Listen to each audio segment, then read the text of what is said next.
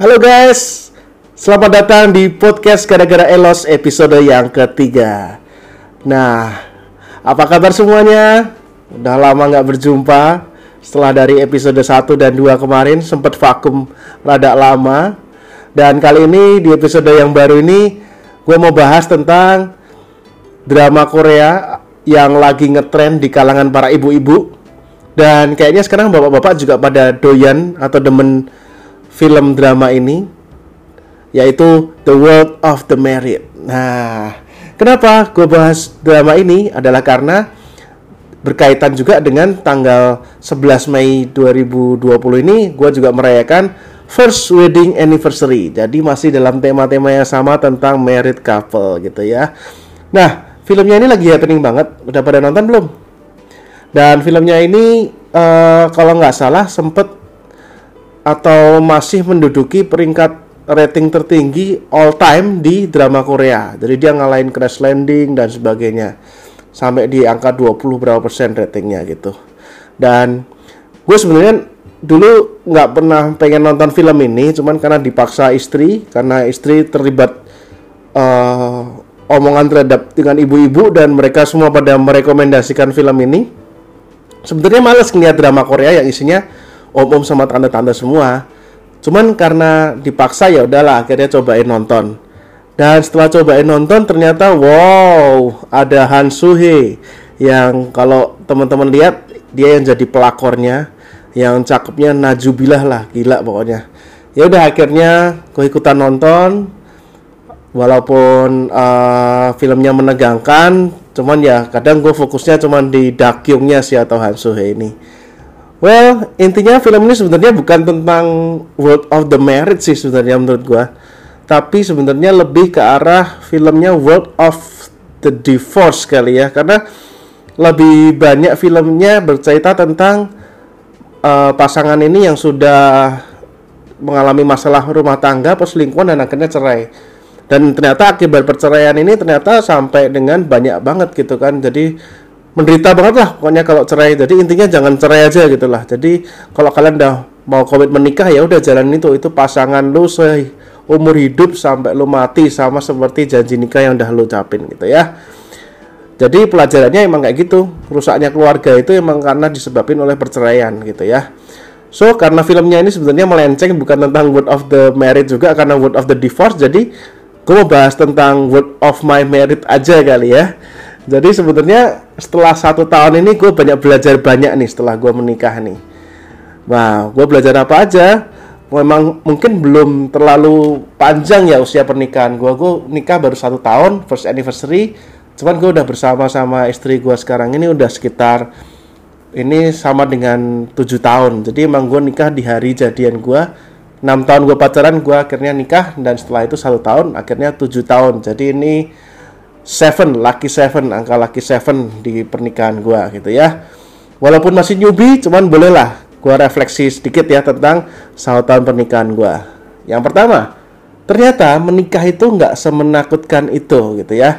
Entah kenapa dari dulu gue udah kerja bertahun-tahun. Gue dari dulu kerjaan awal gue ya dari dulu ngurusin nikahan ngurusin mantan mungkin sedikit membuat saya ini sedikit takut untuk menikah. Karena kadang juga dulu ada beberapa klien yang juga uh, menikah itu mereka sering berdebat lah terus akhirnya bahkan ada juga klien saya yang batal menggunakan saya karena mereka batal menikah. Ada juga klien saya udah menikah sekarang udah nggak menikah lagi alias sudah cerai. Jadi kayaknya menikah itu sesuatu yang apa ya mengerikan gitu. Kan apalagi menghandle pernikahan di hari-hari itu kayak ya berat banget gitu ya.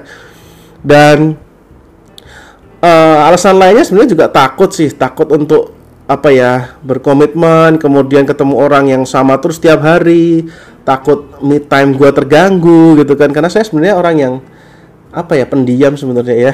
Ya mungkin pada banyak yang nggak percaya. Cuman memang sebenarnya gue ini uh, di luar memang banyak ngomong karena kerjaannya ngomong work by cangkem. Cuman kadang-kadang emang gue kalau butuh pemulihan diri sendiri ya gue harus berdiam. Tiap malam itu sebenarnya itu me time gue yang gue diam gue nonton film gue baca buku. Itu sebenarnya adalah masa-masa di mana gue mengembalikan energi gue lagi gitu kan. Gue memulihkan diri sendiri lagi adalah dengan cara gue berdiam diri sendirian gitu ya. Jadi emang kalau orang boleh ngomong ya apa ya namanya ya introvert mungkin ya? Ya bisa jadi gitu sih.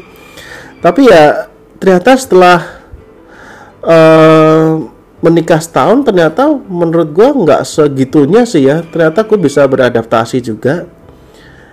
Fine fine aja. Tinggal bersama satu orang. Ya memang masalah pasti terjadi ya. Memang ribut pasti terjadi gitu kan. Cuman ya ternyata apa yang saya takutkan itu juga nggak terjadi gitu ya. Karena ya apa ya setelah menjalani itu semuanya beda deh tapi mungkin memang beberapa masalah kayak mungkin porsi kasur dipakai sama istri semua atau kebalikannya ya biasalah itu terjadi. Nggak sengaja mukul atau kepukul atau ketendang itu juga biasa juga gitu ya. Terus yang beda lagi ya kalau kita lagi marahan dulu mungkin sudah pulang masing-masing beres ya aman ya. Kita nggak saling ketemu. Cuman kalau sekarang nggak bisa kita kalau udah marahan ya kita harus ketemu lagi ketemu lagi jadi mau nggak mau harus diselesaikan. Kalau enggak kan ya kita ketemu buka pintu ketemunya dia lagi lu lagi lu lagi gitu kan. Jadi ya memang segala permasalahan memang harus cepat diselesaikan gitu ya. Terus kemudian yang kedua adalah kita uh, saya terutama gue lebih belajar lagi untuk mencuci memasak dan mengurus rumah ya. Dan menjadi pasangan yang hidup di era pandemik ini baru belum setahun nikah udah diterpa pandemik ini membuat skill saya ini meningkat gitu ya. Skill yang saya ini dulu orangnya sangat pemalas bahkan ketika gue tinggal di kos-kosan tuh gue jarang banget cuci piring. Karena emang gue selalu sedia piring kertas dan juga uh, gelas-gelas plastik gitu ya. Jadi emang gue pengennya pakai sekali pakai buang sekali pakai buang. Bahkan aqua pun ya gue kadang beli uh, aqua aqua yang langsung minum gitu. Jadi emang bener-bener males banget buat nyuci kayak atau masak kayak masak juga selalu masak yang instan atau beli jadi gitu ya. Tapi karena tinggal berdua di sini saya banyak belajar karena juga kita belum punya pembantu karena memang lagi tinggal berdua rasanya juga nggak penting juga kali ya punya pembantu over banget gitu kan. Jadi akhirnya kita berbagi peran untuk bersih bersih dan juga memasak. Saya belajar skill-skill baru di dalam dunia memasak ini yang terutama yang pertama adalah memasak nasi ya mungkin ini seumur hidup pertama kalinya saya masak nasi ya ketika saya ini udah nikah ini. Dan ternyata saya ahli gitu. Nasinya yang gue bikin ini saya bikin ini bisa jadi enak banget gitu ya. Terus gue juga bisa goreng nugget. Wah udah bangga banget gitu ya cuman bikin goreng nugget ya. Masak daging-dagingan yang ala Korea gitu gue bisa. Cuma tinggal bumbuin sereng gitu ya. Bikin maling, bikin kornet gitu gue juga ada ahli sekarang. Tapi ya yang instan-instan yang gampang-gampang aja lah yang gue bisa. Masak telur jangan ditanya lah jagoan gue. Tapi yang bagian susah-susah yang masakan-masakan yang serius ya itu bagian istri gue.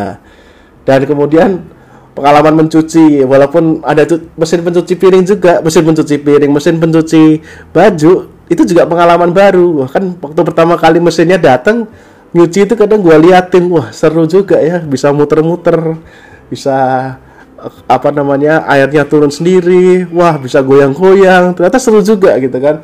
Sampai menjemur itu juga jadi pembelajaran baru lah buat saya dunia yang baru gitu ya. Terus kemudian hal yang lain yang saya belajar adalah kita harus belajar yang saya pelajari adalah belajar menerima kesalahan pasangan kita dan juga memaafkan. Jadi nggak cuma belajar menerima aja tapi kita juga harus memaafkan. Karena nggak bisa dipungkiri kadang saya sering salah dia juga sering salah cuman ya sudah tengkar itu adalah hal yang biasa gitu kan. Bahkan uh, kalau ada orang ngomong kita harus uh, berlomba-lomba untuk cepat meminta maaf gitu ya. Tapi banyak kejadian yang lucu juga nggak cuman kesalahan-kesalahan yang mungkin mengakibatkan peperangan ya cuman kadang kesalahan-kesalahan yang mengakibatkan hal yang lucu dan bisa menjadi konten. Kayak gue juga pernah dikancing ini di dalam rumah dikunciin bener-bener kayak di penjara dikunciin nggak bisa keluar nggak ada celahnya buat keluar juga karena semua jendela di rumah semuanya ada ada apa namanya uh, apa ya ada tiang-tiangnya gitu kan ya. Jadi nggak bisa keluar juga nggak cukup gitu kan.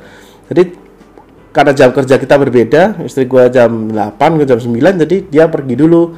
Dan dia pergi gua mau oh mau ambil anduk nih di luar. Dah ternyata kok pintunya nggak bisa dibuka? Loh kuncinya mana nih? Kok nggak kok kuncinya nggak ada? Kok dikunci? Loh kunci satunya mana? Loh nggak ada juga. Ternyata semua kuncinya dibawa sama dia. Ya gimana nih? Mau mandi aja nggak bisa ketika sampai akhirnya gue gue kirimin tuh foto pintunya ini. Terus gue bilang kalau kayak gini gimana caranya nggak bisa keluar gitu ya? Suami sendiri dikancingin di rumah gitu kan. Sampai akhirnya datanglah bapak Go Gosen Gojek yang ngirim kunci itu di dalam sebuah amplop dan gue panggil dari jendela mas masuk aja mas. Tolong dibuka amplopnya nggak apa-apa. Itu isinya kunci karena saya juga nggak bisa keluar rumah nih itu makanya kunci itu dikirim gitu kan. Akhirnya bapaknya buka kuncinya kemudian saya dibukain oleh bapak Gojek dan bapak Gojeknya pulang gitu ya. Jadi memang banyak hal-hal yang lucu-lucu sih karena dua orang yang nggak pernah tinggal bareng akhirnya tinggal serumah uh, jadi banyak hal yang mungkin kita perlu sesuaikan dan kita perlu adaptasi dengan kebiasaan masing-masing gitu ya. Karena memang kita semua udah terbiasa hidup sendiri. Sama sih kita berdua semenjak 2010 kita juga sudah nggak tinggal bersama orang tua. Jadi memang uh, kita sudah punya kebiasaan masing-masing yang mungkin kalau kita di kamar nggak berhubungan sama orang lain mungkin kita cuek dan bebas gitu ya. Jadi sekarang kita bersama kita harus beradaptasi lagi bahwa di dalam ruangan ini nggak cuma ada kita gitu ya.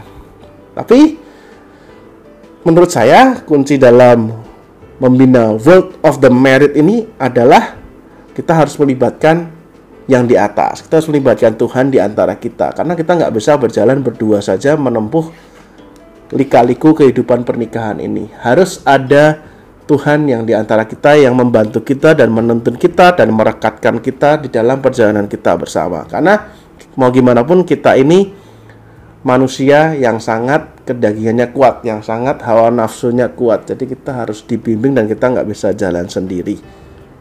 Mungkin masih banyak cobaan yang akan kami alami, tapi kami akan coba jalani itu bersama yang di atas. Jadi, yuk saling support mensupport teman-teman kita semua yang sudah menikah karena kita semua word of the merit harus saling berjalan bersama, saling sharing dan saling menguatkan sehingga kita semua bisa finish together.